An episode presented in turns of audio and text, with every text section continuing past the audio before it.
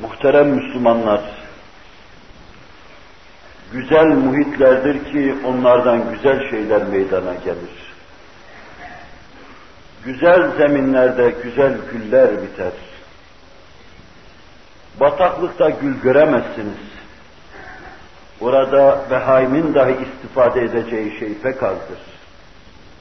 Gül bahçeleridir ki gül bitirir ve burcu burcu etrafta yanından geçen herkesin kakülünde gül kokmaya başlar. Haneler gülistan olursa içinde gül biter. Bir millet gülistanlık olursa içinde gül biter. Hane bir haristan olursa içinde diken olur. Bir millet haristan olan hanelerden meydana gelirse o millette baştan başa haristan olur. Önceleri nice ekilmiş temiz tohumlar vardır ki semere verdiği zaman insanlığı güldürecek, mesut edecek bir gül devrinin açılmasına vesile olmuşlardır. Ama bir gül devrinde ekilen nice kötü tohumlar, zakkumlar vardır ki insanlığın cennet gibi hayatını cehennem numun keyfiyete çevirmişlerdir. Saadet asrından sonraki bütün asırlarda insanlığın yüzünü güldüren Hz. Muhammed Aleyhisselatü Vesselam'ın attığı tohum, evlere atılan tohum, ev sahiplerinin atıp da riayet ettiği tohum, attığı tohum üzerinde tir tir titremedir ki, tertemiz nesillerin asırlarca insanlık efkarına, ilim dünyasına anlayışına, kalbine hakim olmasına badi olmuş. Bugün dahi orijinalitesinden hiçbir şey kaybetmeyen, ilim yuvasıyla, ilimdeki metoduyla, bir bakıma ilim kitabıyla, ilim kitaplarıyla, bir Endülüs medeniyeti, bir Endülüs ilmi, bir Endülüs ilim hakimiyeti, iyi insanların o devirde attıkları tohumun neticesidir.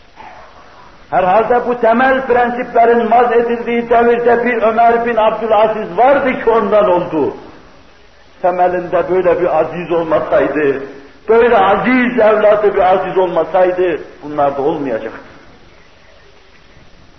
Bir devrin başında durup yepyeni bir tecdit hareketini meydana getiren bu insan esasen çok temiz bir hanede terbiye edilmiş, çok temiz bir soydan gelmiş, verasetiyle temiz, içinde neşet ettiği hane itibariyle temiz bir insandır üç seneye varmayan hakimiyeti ve hilafetiyle devletimizin otuz katı bir devleti idare eden bu insan ancak meleklerin idaresinde görebileceğimiz saadet baş bir havayı hakim kılmış ve insanları mesut etmiştir.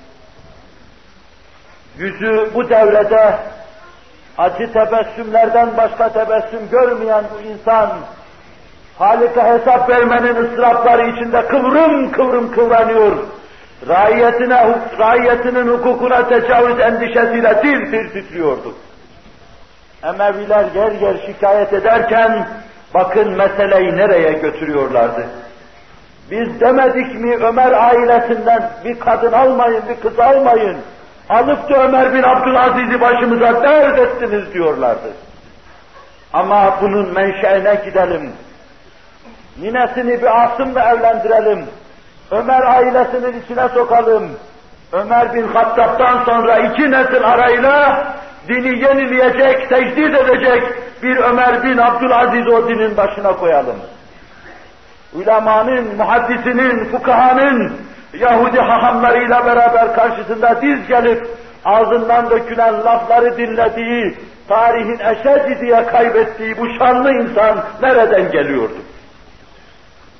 Ömer bin Hattab kırda, bayırda, çölde, sahrada, bedevi çadırlar içinde dolaşıyordu.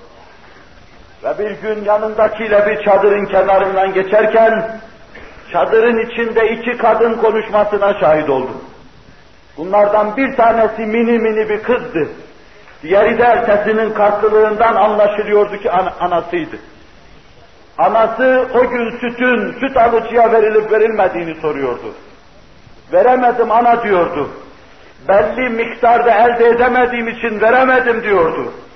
Azıcık su ilave etseydin, ana duymadın mı Ömer ilan etti, sütlere su katmayı yasakladı diyordu. Canım o kadarcıydı Ömer görecek mi diyordu evladım. Mini mini bir kızdı bu. Bu defa anasına şu mukabelede bulunuyordu. Ana Ömer görmüyor ama Ömer'in Allah'ı görüyor diyordu. İşte Ömer'i dize getiren de bu olmuştu.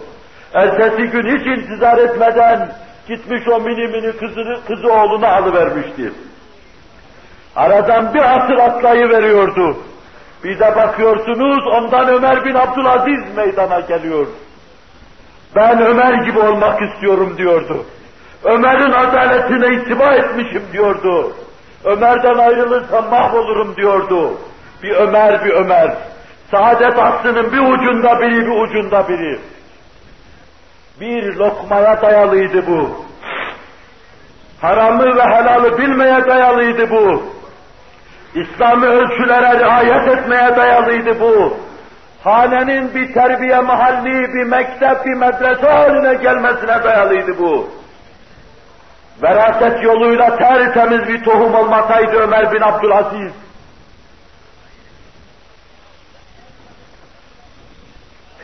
ve tertemiz bir ninenin şefkatli kucağında terbiye edilmeseydi Ömer bin Abdülaziz, ne bir Emevi devri muhteşemi olurdu, ne o ilim olurdu, ne o teknik olur da olurdu, ne de medar iftihar herhangi bir tabloya şahit bulunurdu. Eğer siz hanelerinizi bir gülistanlık haline getirirseniz gül bitecektir. Katiyen bileceksiniz ki hak adına, hakikat hesabına, din ve diyanet istikametinde attığınız en küçük adım dahi heder olmayacaktır. Behemhal mükafatını göreceksiniz. Sadi Gülistan'da o kıvrım kıvrım ifadeleriyle bize bir hikaye nakleder. Bir çamurun burcu burcu gül koktuğunu anlatır. Kendisiyle çamur, çamurla konuştuğunu bize şöyle nakleder. Ona dedim ki çamurun hasiyetinde kokma yoktur. Nereden sen böyle güzel kokuyorsun? Bana döndü çamur dedi ki, ben bir güle saksılık yaptım onun için kokuyorum. İşte bu kadarının dahi heder olmadığını düşüneceksiniz. Ve evlerinizi gül saksıları haline getireceksiniz. Ta sokaklar cehennem zakkumu, hararet ve şerare neşreden mikroplardan kurtulmuş olsun. Zemin ve zaman temizlensin. Allah'ın hoşnut olacağı ve gönüllerde Resul-i Ekrem Aleyhisselatü Vesselam'ın sultası hüküm ferma bulunsun. Allah Celle Celaluhu aşk ve şevkinizi tehyiç buyursun. Size İslam'ı coşkunluk ihsan eylesin. Evlatlarınızın üzerine attığınız tohumlara eğildiğiniz kadar eğilme hatta